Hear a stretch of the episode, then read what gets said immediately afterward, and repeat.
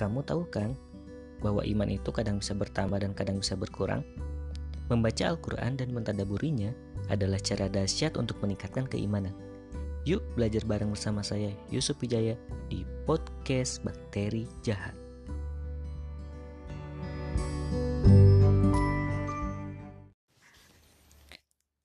Assalamualaikum warahmatullahi wabarakatuh Kembali lagi bersama saya Yusuf Wijaya di podcast Bakteri Jahat episode 11 Dan di episode kali ini uh, Saya akan menyampaikan Mukodimah dari uh, Kitab Tauhid ya.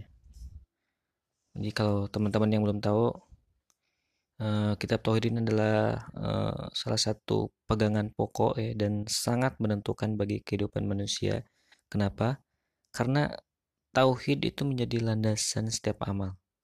Hanya amal yang dilandasi dengan tauhidlah yang menurut tuntunan Islam yang akan mengantarkan manusia kepada kehidupan yang baik dan kebahagiaan yang hakiki di akhirat kelak.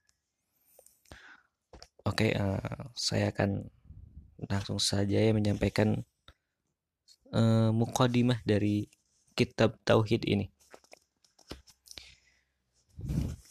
Alhamdulillahilladzi ja'ala tauhid qaidatal Islam wa aslahu wa ra'sah.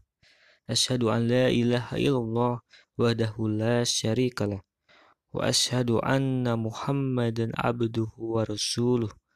Wa sallallahu wa salam alaihi wa ala alihi wa ashabih amma ba'd.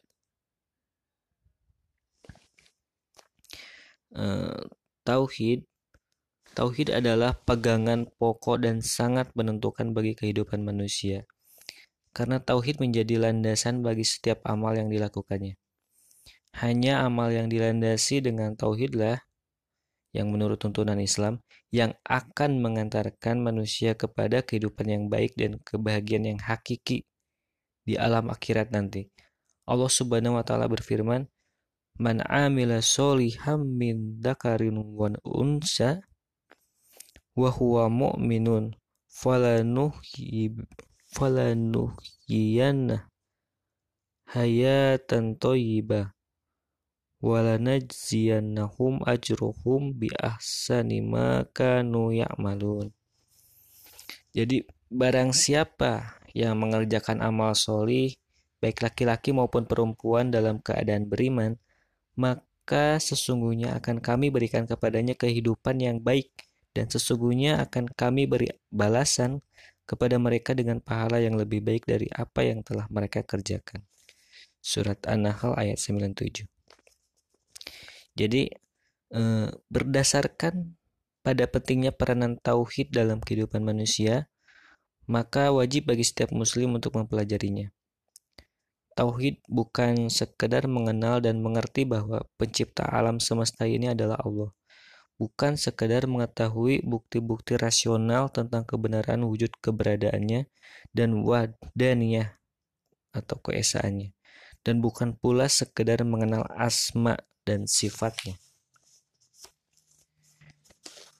Iblis mempercayai bahwa Tuhannya adalah Allah, bahkan mengakui keesaan dan kemahakuasaan Allah dengan permintaannya kepada Allah melalui asma dan sifatnya kaum jahiliyah kuno yang dihadapi Rasulullah Shallallahu Alaihi Wasallam juga meyakini bahwa Tuhan pencipta, pengatur, pemelihara, dan penguasa alam semesta ini adalah Allah. Namun, kepercayaan dan keyakinan mereka itu belumlah menjadikan mereka sebagai makhluk yang berpredikat muslim, yang beriman kepada Allah Subhanahu wa taala. Dari sini lalu timbul pertanyaan, apakah hakikat tauhid itu?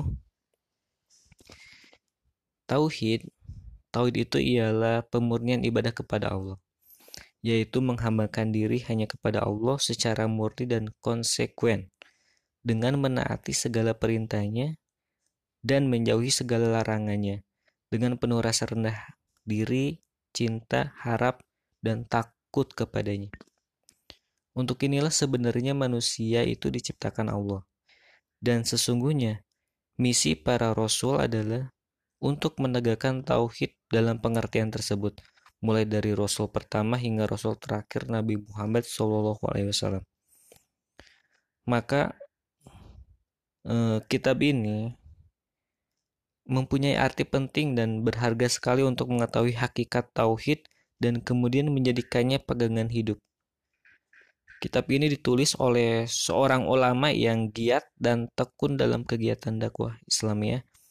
Beliau adalah Syekh Muhammad bin Abdul Wahab, dilahirkan di Uyainah 1115 Hijriah atau 1703 Masehi dan beliau meninggal di Dar'iyah atau Saudi Arabia 1206 Hijriah atau 1792 Masehi.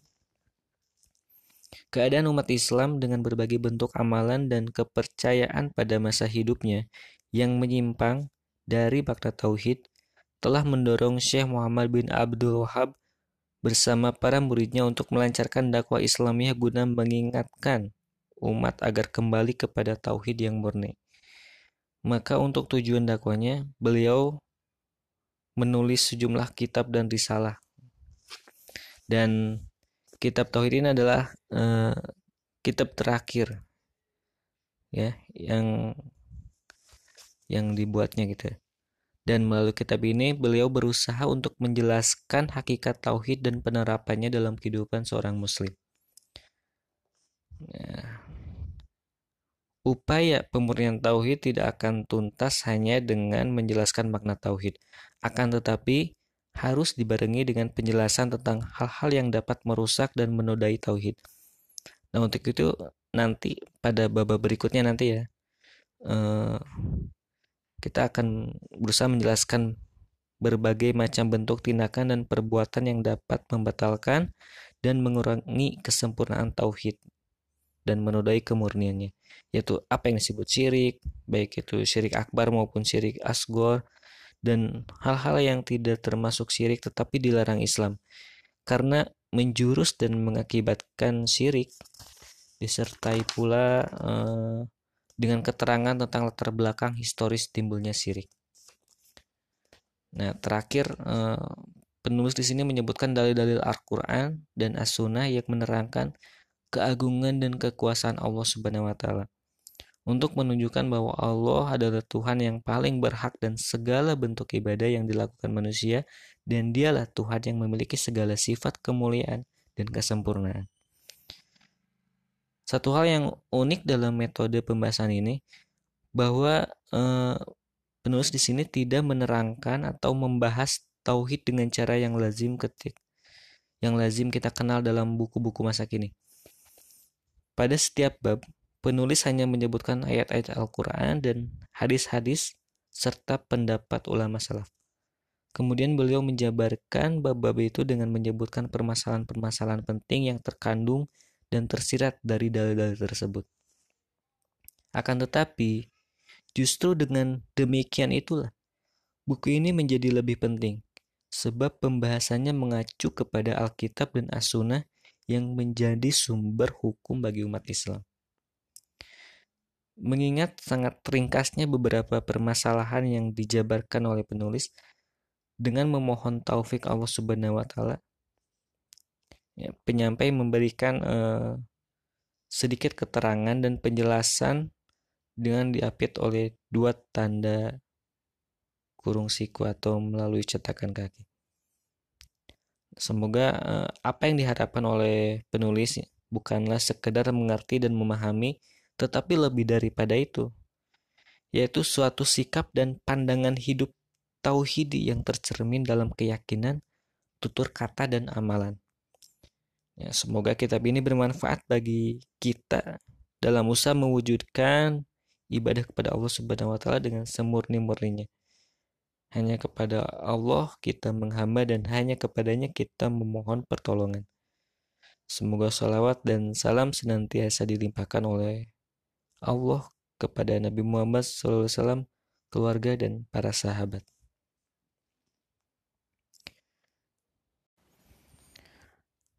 Oke teman-teman, eh, demikianlah mukadimah kitab Tauhid yang ditulis oleh Syekh Muhammad bin Abdul Wahab Eh, mudah-mudahan bisa bermanfaat bagi teman-teman semuanya. dan insya Allah ke depannya kita akan membahas ya kita akan membacakan isi-isi uh, dari kitab tauhid ini. Insya Allah di episode podcast Bakterijat berikutnya teman-teman. Tetap terus dengarkan podcast Bakterijat saya Yusuf Wijaya Assalamualaikum warahmatullahi wabarakatuh